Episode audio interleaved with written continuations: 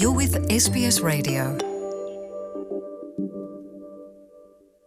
Razvod je jednostavan proces koji traje samo tri mjeseca ako su svi uvjeti ispunjeni, pojašnjava Florence Cruz Montalvo, odvjetnica Odjela za ranu intervenciju i primjenu obiteljskog zakona i službi za izbjeglice u organizaciji za pravnu pomoć Legal Aid New South Wales before you start, you need to think about am I a citizen or my husband or wife a citizen? If not, have I been Prije nego što bilo što započnete, morate razmišljati o nekoliko pitanja. Imam li državljanstvo? Ukoliko to pita supruga ili ga ima muž. Ako nemam, trebam provjeriti jesam li u Australiji 12 mjeseci i namjeravam li ovdje živjeti na neodređeno vrijeme. Potom, jesam li odvojen više od 12 mjeseci od supruga i to fizički ili živimo u istoj kući. Imam li svoj vjenčani list preveden na engleski jezik? Ako ste u braku manje od dvije godine, morate razmišljati jesam li prošao savjetovanje – Imate li potvrdu o savjetovanju ili imate izjavu koja navodi zašto savjetovanje nije odgovarajuće? Imate li adresu supružnika ako ste razvojeni i slična pitanja? Australski zakon zahtjeva da bračni parovi moraju biti fizički razdvojeni najmanje 12 mjeseci kako bi se moglo pristupiti procesu razvoda braka. Osim toga, u Australiji supružniku nije potreban pristanak druge strane za podnošenje zahtjeva za razvod. Međutim, morate dostaviti kopiju podnesene prijave za razvod svom partneru. If you don't know where the other person is, you need to take reasonable ako ne znate gdje je druga osoba, morate poduzeti korake kako biste pokušali pronaći partnera od koga ste razdvojeni.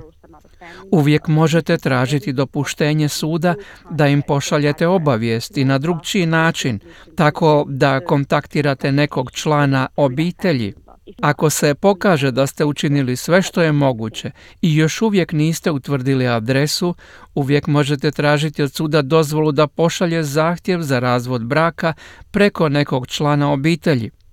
Ako imate, na primjer, samo elektronsku adresu ili ste bivšega partnera našli na Facebooku, to se jednako uvažava i na taj način također možete poslati obavijest. Novi doseljenici sa stalnim ili privremenim i izbjegličkim vizama imaju pravo na besplatnu uslugu prevođenja koju pruža Ministarstvo unutarnjih poslova.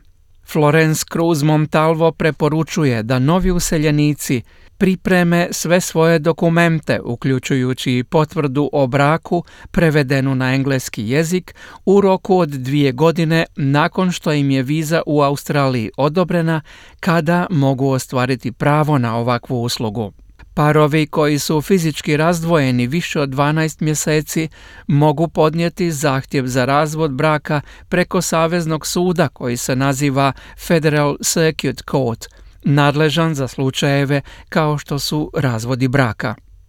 If you're separated under the same roof, however, you do need to provide the court with a statement. Ako ste razdvojeni, ali živite u istome domu, morate dostaviti sudu izjavu koja točno utvrđuje datum razdvajanja.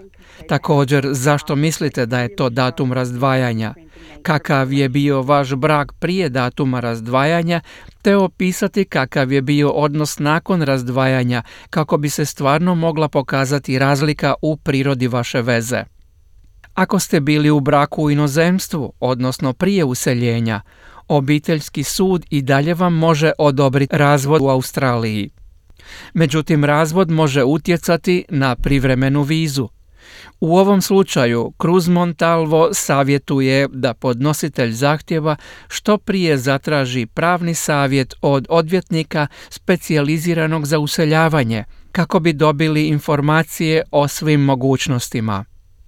After you separate, if you're receiving Centrelink, it's really important to keep Centrelink informed of any changes in your Nakon razdvajanja, a ako primate naknadu Centerlinka, jako je važno informirati Centerlink o svim promjenama vaših životnih okolnosti. Ako imate djecu, a u svrhu izdržavanja djece, vrlo je važno podnijeti zahtjev za procjenu troškova skrbi o djeci nakon što se razdvojite, jer ako imate pravo na poraznu olakšicu, plaćanja se mogu smanjiti. Supružnici imaju 12 mjeseci za postizanje nagodbe od dana okončanja brakorazvodne parnice. If there isn't any property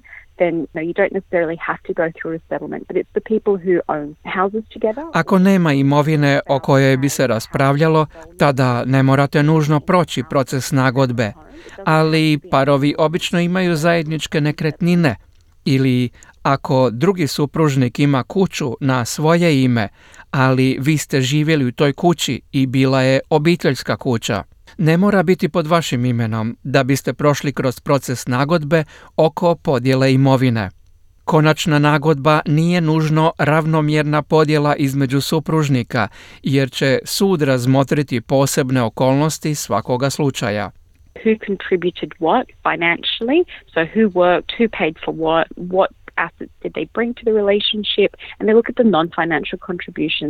Tu su pitanja tko je financijski doprinosio, odnosno tko je radio, tko je za što plaćao, koju su imovinu donijeli u zajedničku vezu. Gleda se doprinos koji nije samo financijske prirode, kao i ostali doprinosi u obitelji. Na primjer, kuhanje i čišćenje, skrb o djeci i briga o kući i mužu ili supruzi i svemu ostalom. Pitanje koje su financije bračnog odnosa, koji su doprinosi, trebali se prilagoditi zbog budućih potreba jer ćete na primjer skrbiti o djeci ili zbog nekog invaliditeta ili zdravstvenog stanja. Također, pitanje je jesu li predloženi nalogi podjela pravični u svim okolnostima. Najnoviji podaci Australskog instituta za studij obitelji otkrivaju da gotovo polovica svih razvoda u Australiji uključuje djecu mlađu od 18 godina. Većina djece u Australiji obuhvaćena je programom skrbi koji procjenjuje koliko skrbi o djeci treba snositi svaki roditelj. Parovi koji ne postignu dogovor mogu se obratiti Ministarstvu socijalnih službi za pomoć pri rješavanju ovoga spora. Emma Smallwood, vršiteljica dužnosti pomoćnice ravnatelja organizacije za pravne savjete Victoria Legal Aid, objašnjava. Many parents actually come to their own agreement about how child support should be paid and how much should be paid. Mnogi se roditelji dogovore oko uzdržavanja djece i koliko tko treba plaćati, ali ako se roditelji ne slažu oko skrbi o djeci, nakon razdvajanja, Ministarstvo za socijalne službe može uspostaviti program uzdržavanja i procijeniti samo koliko bi svaki roditelj trebao plaćati za skrb o djeci ili djetetu. Trošak sudskog razvoda braka u Australiji iznosi 910 dolara. Međutim, pojedinci pod posebnim okolnostima mogu ostvariti pravo na sniženu naknadu – Emma Smallwood preporučuje da budete u toku s financijskim potrebama kućanstva kako biste bolje pregovarali sporazum koji je u najboljem interesu djece. It's a good idea to make sure both parents or parties have all the household finance information, so get copies of that for both. Dobro je utvrditi da oba roditelja ili stranke imaju sve podatke o financiranju kućanstva. Zato treba pripremiti kopije podataka za obje strane kako bi svi znali kakva je situacija s financijama kućanstva i to vam uistinu može pomoći pri pregovaranju o sporazumu i o tome što će se dogoditi ako vaša nekretnina ide na prodaju, jer može biti jako važno za skrb o djeci. Ako razmišljate o razvodu, posjetite internetsku stranicu organizacije Nacionalna pravna pomoć National Legal Aid kako biste saznali kako i pod kojim uvjetima možete imati pristup besplatnim pravnim savjetima u svojoj državi ili teritoriju. Hear more stories in your language by visiting sbs.com.au.